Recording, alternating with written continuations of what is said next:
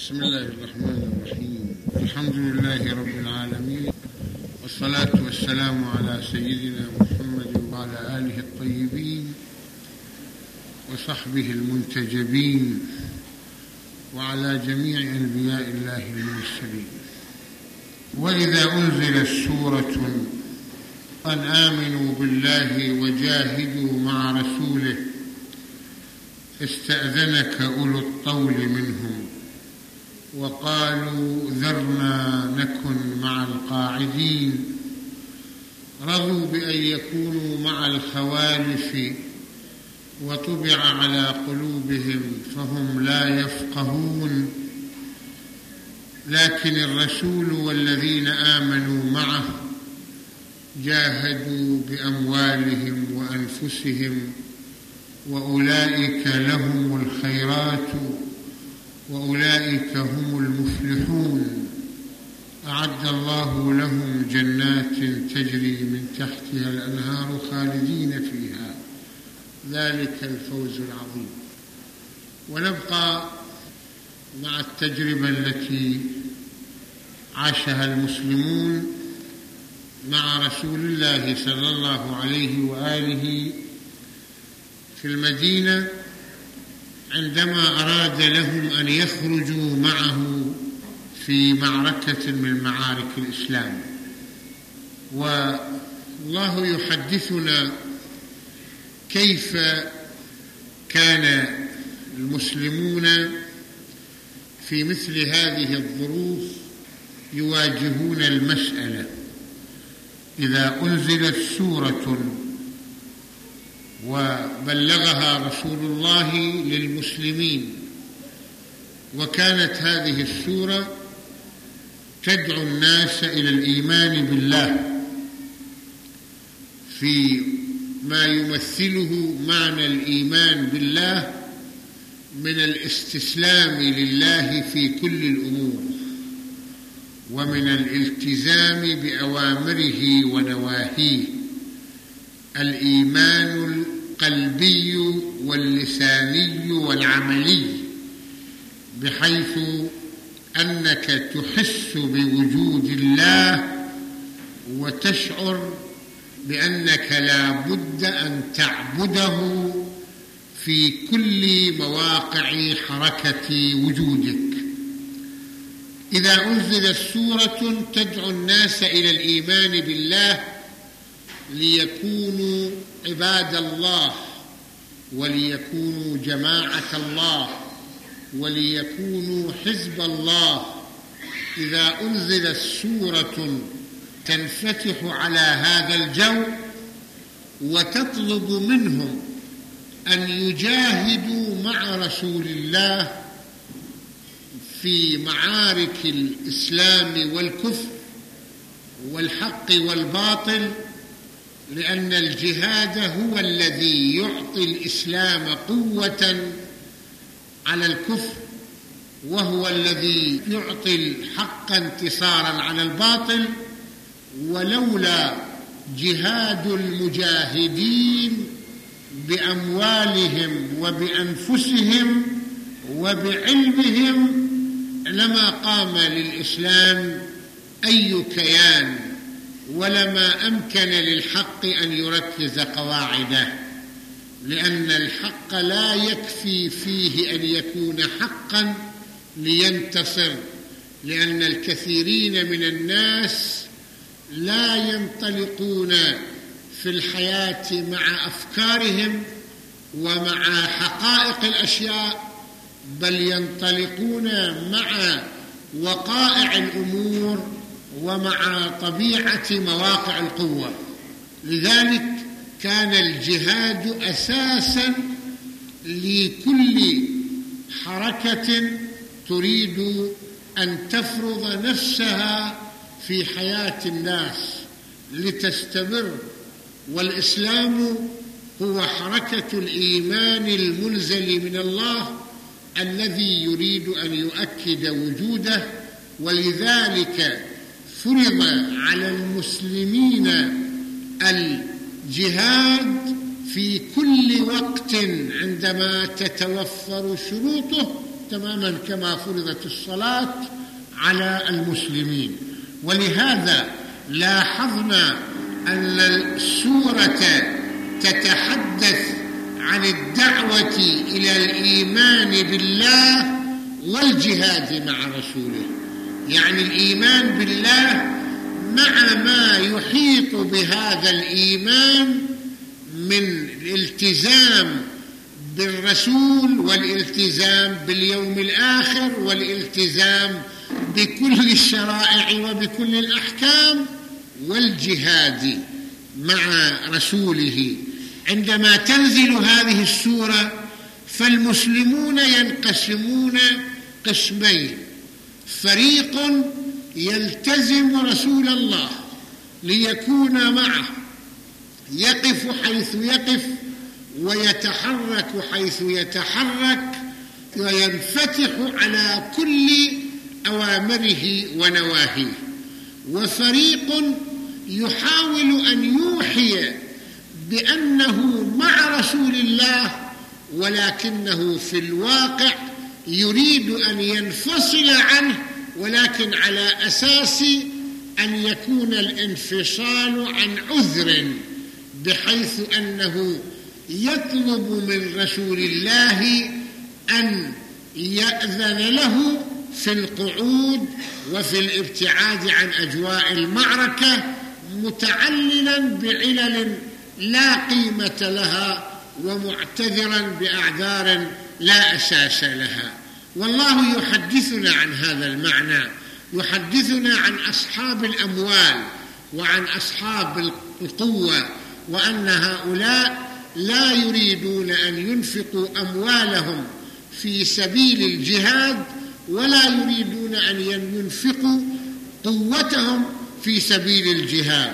وإذا أنزلت سورة أن آمنوا بالله وجاهدوا مع رسوله.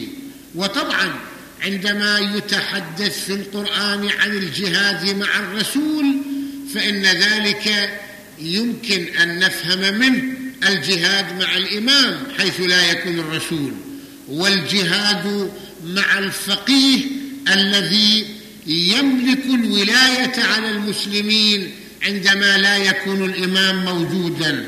لأن المقصود بالجهاد مع الرسول الجهاد مع السلطة الشرعية التي يعتبرها الله سبحانه وتعالى حجة في حركة القيادة على المؤمنين.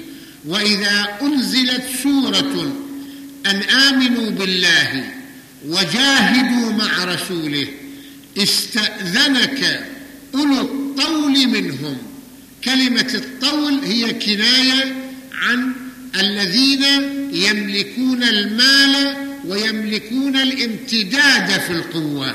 يعني أولو الطول أولو الحول والقوة أولو الإمكانات التي يستطيعون من خلالها أن ينطلقوا في خط الجهاد. استأذنك أولو الطول منهم وقالوا ذرنا نكن مع القاعدين. خلنا يا رسول الله نكن مع الذين يبقون في المدينة لأن لنا أعذارا معينة ولأن لنا ظروفا معينة تفرض علينا ذلك.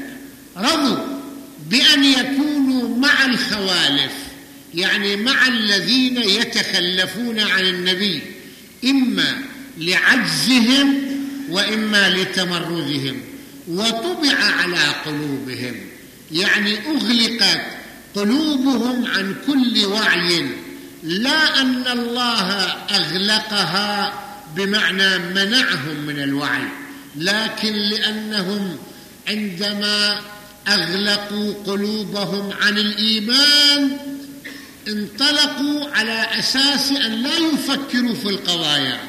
وأن لا يحسبوا حساب الله في الأمور ولا يفكروا في حسابات الربح والخسارة ومسألة الإيمان بالله واليوم الآخر. عندما أبعدوا أنفسهم عن ساحة الحق وقرروا أن يتمردوا على الحق أغلقت قلوبهم. باعتبار أن القلب ينفتح عندما تكون لك إرادة أن تجعله يعي ما حوله من القضايا ويفكر ويحسب حساب الأمور. أما إذا كنت قد قررت أن لا تفكر وقررت أن لا تجيب على علامات الاستفهام التي تنتصب أمامك. وقررت أن لا تحاور أحدا ولا تسمح لأحد أن يحاورك فإن من الطبيعي أن يغلق قلبك. وليس الله هو الذي أغلق لك قلبك ولكنك أنت أغلقت القلب. هذا تماما كما لو كان عنده بيت يستطيع أن يرتاح فيه ويسكن فيه ويحصل على كل أسباب السعادة فيه ولكنه يغلق هذا البيت بالمفتاح ويرمي المفتاح بالبحر. إنه هو الذي أغلق البيت. صحيح المفتاح هو الذي أغلق البيت ولكن هو الذي أضاع المفتاح وهو الذي أغلق البيت بمفتاح ولذلك كل ما تقرؤونه في القرآن ختم الله على سمعهم وعلى أبصارهم طبع على قلوبهم بل ران على قلوبهم ما كانوا يكسبون. يعني كلها تعبر عن انغلاق القلب نتيجة اختيار الإنسان الأسلوب والوسيلة في الحياة التي تغلق قلب الإنسان. مثل كثير من الناس الذين تأتيهم وتقول لهم يا جماعة فكروا بالمسألة. يقول لك مش مستعدين نفكر. تعالوا خلينا نتناقش. مش مستعدين نناقش. إحنا الله هيك خلقنا ومش مستعدين نغير هالشيء. إحنا هذا الشيء فكرنا ومش مستعدين. هذا معناه واحد سكر عقله. يقول لك ما بدي أفكر بيقول لك ما بدي ناقش. ما بدي احاول هو إنسان أغلق باب عقله عن أن ينفتح للهواء الطلق وهكذا. الله يقول فطبع على قلوبهم لأنهم قرروا أن لا ينفتحوا على الإيمان قرروا أن لا ينفتحوا على رسول الله ولذا فهم لا يفقهون. هم لا يفهمون أن الإنسان الذي يمنع عقله من التفكير سوف لا يجد طريق الخلاص وطريق النجاة لأن العقل هو الذي يدلك على طريق الخلاص وطريق النجاة وطريق الوصول إلى الحق. هذا نموذج. هناك نموذج آخر. لكن الرسول والذين آمنوا معه جاهدوا بأموالهم وأنفسهم. هنا لاحظوا أنه لم يتحدث عن المؤمنين الآخرين في مقابل هؤلاء المنافقين المتمردين بل تحدث عن الرسول والذين آمنوا معه. فالرسول صلى الله عليه وآله وسلم لا ينفصل عن المؤمنين. لا يفصل نفسه عنهم كما يفصل بعض القادة أنفسهم عن الشعب وعن المجتمع فيضعون أنفسهم في موقع ويكون الشعب تحتهم في الموقع الآخر. لاحظوا في القرآن مثلا في الآية تقول محمد رسول الله والذين معه أشداء على الكفار. هنا لكن الرسول والذين آمنوا معه. يعني الرسول هو جزء من المجتمع الإسلامي يعيش مع المؤمنين كما يعيشون معه ويجاهد مع المؤمنين كما يجاهدون معه بماله وبنفسه. لكن الرسول والذين آمنوا معه جاهدوا بأموالهم وأنفسهم. أولئك لهم الخيرات باعتبار أنهم انطلقوا فأخذوا بأسباب الخير في حياتهم ومن الطبيعي أن يكون نتيجة الخير خيرا كما كانت نتيجة الشر عند أولئك شرا وأولئك لهم الخيرات في الدنيا وفي الآخرة وأولئك هم المفلحون لأن الفلاح كل الفلاح هو السير في خط الإيمان بالله والانطلاق مع طاعة الله سبحانه وتعالى. أعد الله لهم جنات تجري من تحتها الأنهار خالدين فيها. ذلك الفوز العظيم.